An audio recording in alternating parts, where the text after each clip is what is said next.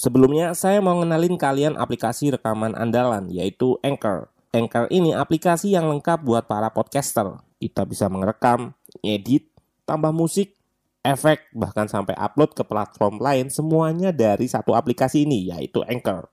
Nah, aplikasi ini bisa kalian download di App Store atau Play Store, atau bisa juga dari website langsung di www.anchor.fm. One app that your podcast need. Oh ya, Anchor ini gratis, free transfer.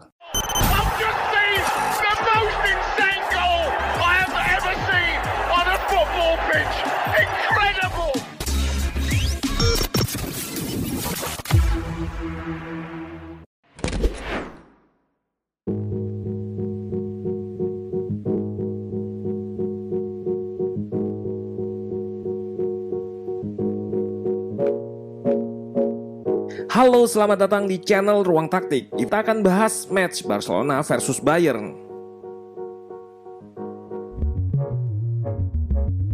Nah, Nagelsmann mengawali laga UCL pertamanya bersama Bayern dengan hasil maksimal, menang tandang 0-3 atas Barcelona.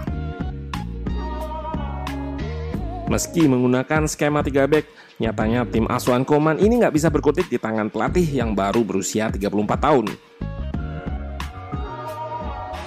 Penasaran dengan kelemahan Barca dan bagaimana permainan Bayern dari segi taktikal? Let's go, kita bahas sama-sama.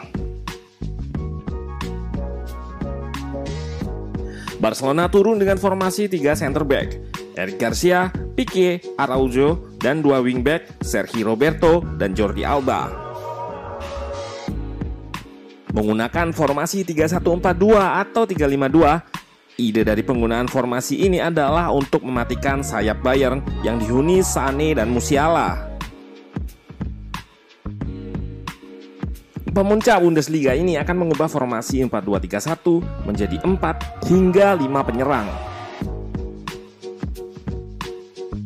Jadi 5 back di belakang akan menutup semua koridor penyerangan Bayern. Taktik ini sebenarnya berhasil membuat Bayern kesulitan dalam penetrasi dari sayap. Namun hanya di awal babak pertama.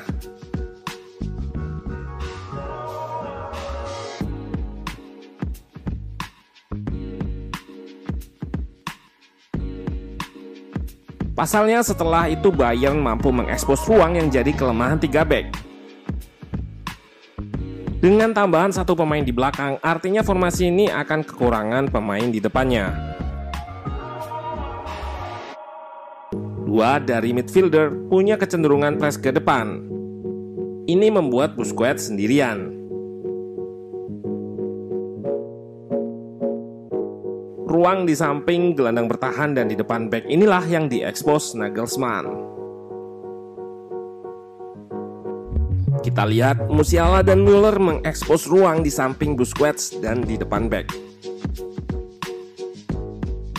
Selain area ini terlalu luas buat satu orang DM, taktik bertahannya juga mengharuskan tiga dari center back untuk agresif menjangkau ruang ini.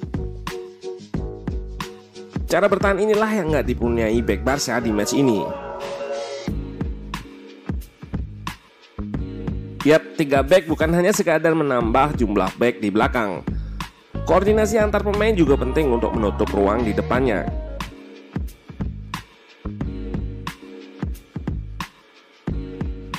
Karena berbeda dengan sistem dua center back yang cenderung menunggu dan segaris atau sejajar dalam bertahan.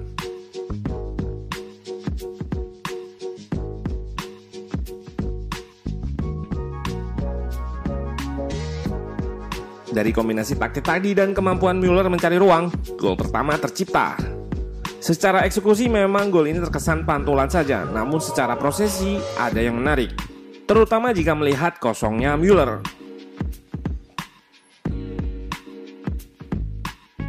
Yap, sebelum terjadinya gol ada rotasi yang dilakukan Kimmich di sini. Sehingga membebaskan ruang yang kemudian dieksploitasi Müller. Lagi-lagi ruang di depan back dan di samping DM.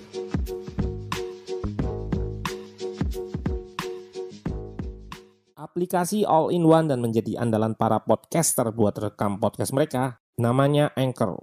Pakai Anchor ini, kalian nggak perlu peralatan ribet kayak studio kalau mau ngerekam. Semuanya bisa dari smartphone kalian menggunakan Anchor. Anchor bisa kalian download di App Store atau Play Store. Mudah banget. Di Anchor, kalian nggak hanya bisa ngerekam audio, tapi juga bisa ngedit langsung di sini. Nggak sampai di situ, Anchor juga dapat mendistribusikan konten kamu ke platform lain. Contohnya Spotify, Apple Music, dan lain-lain. Keren banget, satu aplikasi buat semua kebutuhan. Jadi, nggak perlu aplikasi-aplikasi editing lain. Daripada kalian makin penasaran, mending langsung aja download Anchor sekarang. Oh ya, Anchor ini gratis loh.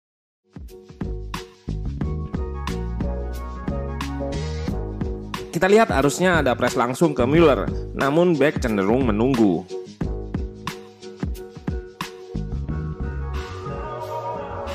Perpindahan posisi atau rotasi antar pemain adalah ciri taktik Nagelsmann. Pemain-pemainnya dituntut bisa memainkan beberapa peran sehingga dalam pertandingan rotasi yang dilakukan sangatlah cair. Paling dominan memang Müller.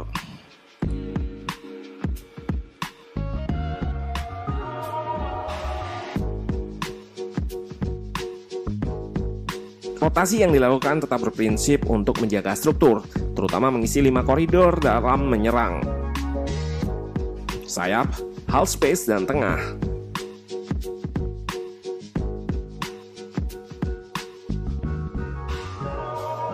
Dan yap, shape dasarnya berbasis 325, namun kita lihat Goretzka mengambil posisi yang sedikit naik. Salah satu dari gelandang Bayern ini akan berperan sebagai box to box atau naik ke kotak saat blok lawan rendah dan akan turun saat bertahan.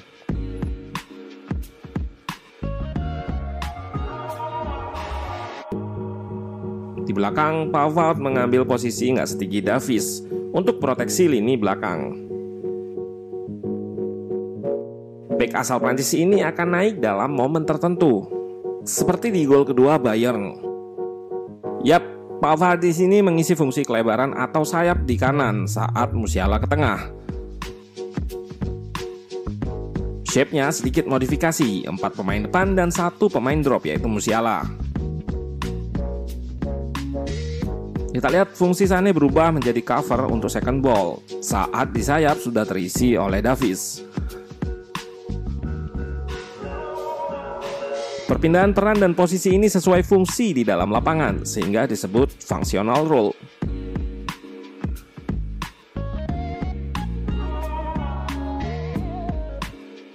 Rotasi yang cair ini tentu kontras dengan Barcelona yang cenderung statis dan gak struktur, terutama di fase transisi.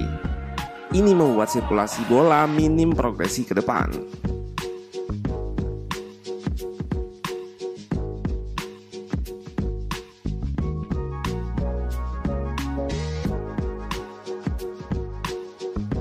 Dari pass map ini juga terlihat Barca lebih banyak bermain di belakang. Penerimaan bolanya jauh dari gawang Bayern.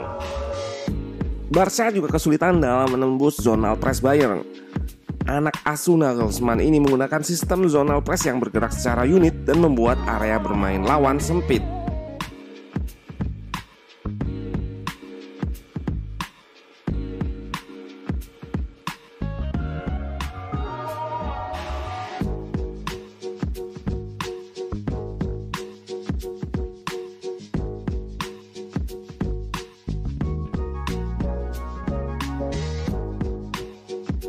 Dalam hal taktikal Nagelsmann terlihat matang walau usianya sama dengan Pique.